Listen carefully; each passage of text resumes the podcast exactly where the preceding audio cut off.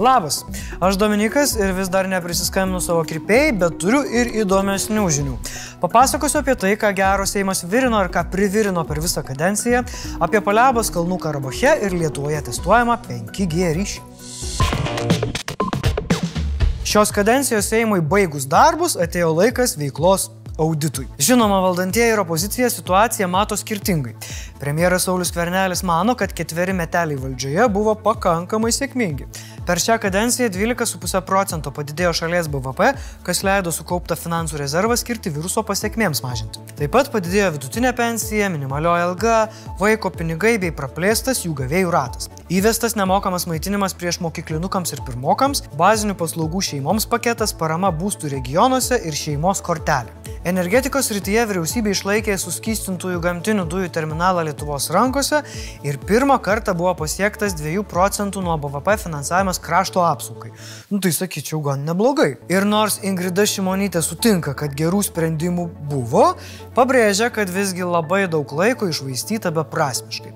Ypač įvairioms komisijoms, kurios kasinėjo praeities dalykus ir kompromitavo parlamentinio tyrimo institutą. Bet rimtai, tyrimų manijos iš šito Seimo netims. Net ir dabar ypatingos skubos tvarka pritarta Tomaševskio partijos iniciatyvai kreiptis į Konstitucinį teismą dėl mūsų akcijos viso gero Valdemarai. Nu Valdemarai, nu kamon, gal jau laikas nurimti. Aš negalvojau, kad kada nors tai pasakysiu, bet imkite pavyzdį iš Petro. Tapinas ir Ramanauskas ir Mikutavičius yra garbingi vyrai, reikia su jais tik mokėti susitarti. Ši naujiena bus truputį kitokia. Kadangi traukėsi dabartinis Seimas, o jį keičia naujasis, nusprendėme apžvelgti įdomiausius įvykius per paskutinius keturis metus. Pirmoje dalyje aptariam, ką naudingo nuveikė, tai dabar pristatom geriausiai Seimo hitai. Vos išrinkus Seimą 2016-aisiais iš karto supurtė skandalas. Keisti Ramūno Karbauskio ir Seimo norės Gretos Kildišinė santykiai. Ramūno įmonė nuomavo Gretai mašiną, tačiau už ją mokėjo Gretos mama. Sumą, kurios net teoriškai negalėjo uždirbti, būdama darželio auklėtoja. Skandalų talžoma Greta savo mandato atsisakė. Kur dabar Greta ir ką veikia, niekas nežino. Ačiū. Apie savo asmeninį gyvenimą aš viešai nekalbu. Sekantis klausimas. Seimas paminės Konstitucinio teismo sprendimą nesugebėjo išmesti Seimo nario Mindaugo Baščio, kuris buvo pripažintas šiurkščiai sulaužęs priesaiką ir bendradarbiavęs su Rusijos agentais. Vos per porą dienų Laisvės TV suorganizavo protesto mitingą Mes kaltinam.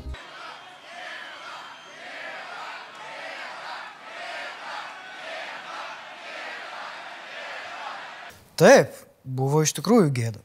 Kestutis Pūkas, pamena dar tokį. Buvo apkaltintas seksualiniu priekabavimu prie moterų, norėjusių tapti jo padėjėjomis. Konstitucinis teismas nustatė, kad Pūkas sulaužė priesaiką, pažydė konstituciją, todėl jam teko trauktis iš Seimo. Norit pamatyti šitą šlikštaus? Labiausia save kaltinu už tai, kad aš nuėjau per gilesnius e, pokalbius, e, ne tai, kad tai gal darbo klausimų. Baisu. Mokytojai streikavo. Susirinko švietimo ir mokslo ministerijoje, nesulaukė ministrės, tai okupavo salę. O kai ministerija pradėjo rakinti duris, įlipo per langą. Penktą naktį švietimo ir mokslo ministerijoje nakvoja streikuojantis mokytojai pirmadienio rytą ruošiasi pusryčiams. Krito ministrės galva, mokytojai apleido patalpas, o skvernelis pažadėjo didesnius atlyginimus, o mokytojo profesiją pažadėjo paversti prestižinę. Na ir žinoma, Jaroslavas Narkevičius su visais skandalais, kurie jo ministro postę nepleido visą kadenciją. Bandė jį nuversti prezidentas, bandė opozicija, bet niekam nepavyko, nes... Ką norim, tai ir darom. O tai neatskleisit visai kaip. Ką norim, tai ir darom. Čia mūsų teisė. O kur dar skvernelio ištrintas ir nuo žurnalistų nuslėptas posėdžio įrašas? Kur Skardžiaus ir Širinskė nesušaudytas Gabrieliaus taikinys? Kur Irinos Rozovas bendravimas su Rusijos saugumu? Kur dar keliukas už 300 štukių? Stengsiuosi, kad tas pagrindas netrupėtų, o asfaltas būtų storas ir tvirtas. Šiaip galėčiau vardinti ir vardinti, nes kadencija buvo išties įspūdinga, o kas įsiminė jums labiausiai?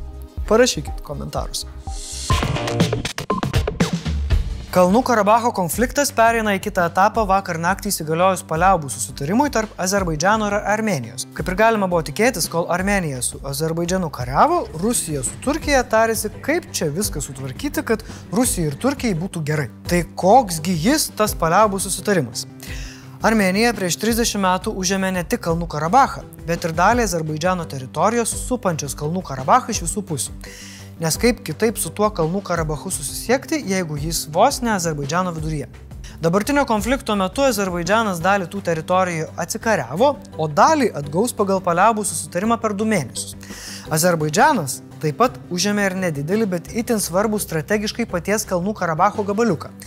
Per tą gabaliuką eina taip vadinamas Lačino kelias, kuriuo vieninteliu įmanomas maisto ir prekių tiekimas iš Armenijos į Kalnų Karabachą. O kur Rusijos pergalė? Rusija jau pradėjo į Kalnų Karabachą vesti taikdarių pajėgas, kurios išsidėstys ties dabartinę konflikto liniją mažiausiai penkeriems metams ir užtikrins, kad Lačino koridoriumi galėtų būti tiekiamos prekės į Kalnų Karabachą. Tai iš esmės reiškia Armenijos kontaktų su Kalnų Karabachu kontrolę ir dar didesnę įtaką pačioje Armenijoje. Va taip, armenai su azerais mušasi, o tu įvedi taikdarius į Kalnų Karabachą ir kontroliuoji Armeniją. Turkija laimi, nes broliškas Azerbaidžianas atgauna dalį savo teritorijos - Šachas ir Matas. O Armenija? Armenams beliko šturmuoti savo parlamentą protestuojant prieš paliaubų sutartį. Armenijos prezidentas tikina, kad apie paliaubą sužinojo žiniasklaidos.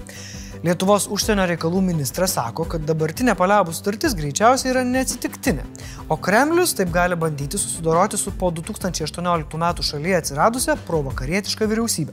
Aš šiaip stebiuosi, kad Rusijos taikdariai nepradėjo atostogauti Karabacho teritorijoje anksčiau, kaip jie tai daro Ukrainoje, Sirijoje ir Sakartvele. Lietuvoje sparčiai pradėjo aukti susirgymai koronavirusu ir prasidėjo karantinas, o šiandien Telija pranešė, kad jos klientai jau gali išbandyti 5G ryšį. Ar tai sutapimas? Taip, tai tik sutapimas ir šie dalykai nėra susiję absoliučiai niekuo. O dabar plačiau apie naujieną. Telekomunikacijų įmonė aktyvavo savo 5G mobilų ryšį. Tiesa, kol kas tik Vilniaus, Kauno ir Klaipėdos centruose. Ten dabar veikia jau 11 stočių. Tokį leidimą Telija gavo tik tam, kad galėtų tinkamai ištestuoti šią technologiją. Tačiau įvykus dažnių aukcionui visi trys paslaugų operatoriai jau galės naudoti jį ir komercinėms paslaugoms teikti. Tai iš esmės, jeigu esate Telija klientas, tai jau galite išbandyti 5G nemokamai. Bet tik jeigu jūsų telefonas geba tai padaryti. Jeigu turite iPhone ar Samsungą, Sakau iš anksto, tai padaryti jums nepavyks. Pirmą kartą 5G ryšį telė išbandė dar prieš dviejus metus, tačiau tuomet dar nebuvo įrenginių, kurie leistų jo naudotis. O dabar, kai mobiliai telefonai jau yra patobulėję, tokie bandymai ir testavimai turi kur kas daugiau prasmės. Pirmieji bandymai rodo, kad naudodamiesi operatoriaus 5G tinklu 2 gigus duomenų galėsite atsisiųsti per sekundę. Jeigu siūščiau torentus, būčiau baisiai laimingas, bet nesinčiu ir jums nerekomenduoju. Blitz naujienos. Antanas Guoga portalui 15 min pareiškė, kad svarsto savo iškovotą Seimo nario mandatą perleisti kitam. Šiuo atveju liūdnai pagarsėjusiam Artūrui Skardžiui. Nuostabu. Linkėjimai Dovydui Pancerovui. Lietuva šią savaitę pasirašys sutartį su Junktinėmis valstijomis dėl keturių atakai skirtų sraigtasparnių Black Hawk įsigijimo. Tai svarbus žingsnis stiprinant greitojo reagavimo pajėgas ir Lietuvos oro pajėgas. Vakar vakare Lietuva sulaikė kvepavimą, kai pasirodė žinia, kad Astravo atominėje elektrinėje sprogo transformatoriai. Dėl šios avarijos radiacijos lygis nepakito, o reaktoriui ši avarija taip pat neturėtų pakengti. Tačiau tai niekiek neramina. McDonald's atsižvelgs į besikeičiančią žmonių preferencijas. Pasaulyje daugėjant žmonių nevalgančių mėsos, McDonald's meniu papildys vegetariškais McPlant. Jūs tik pažiūrėkit, kaip skardžiai žiūri į guogą su jo Seimo nario mandatu.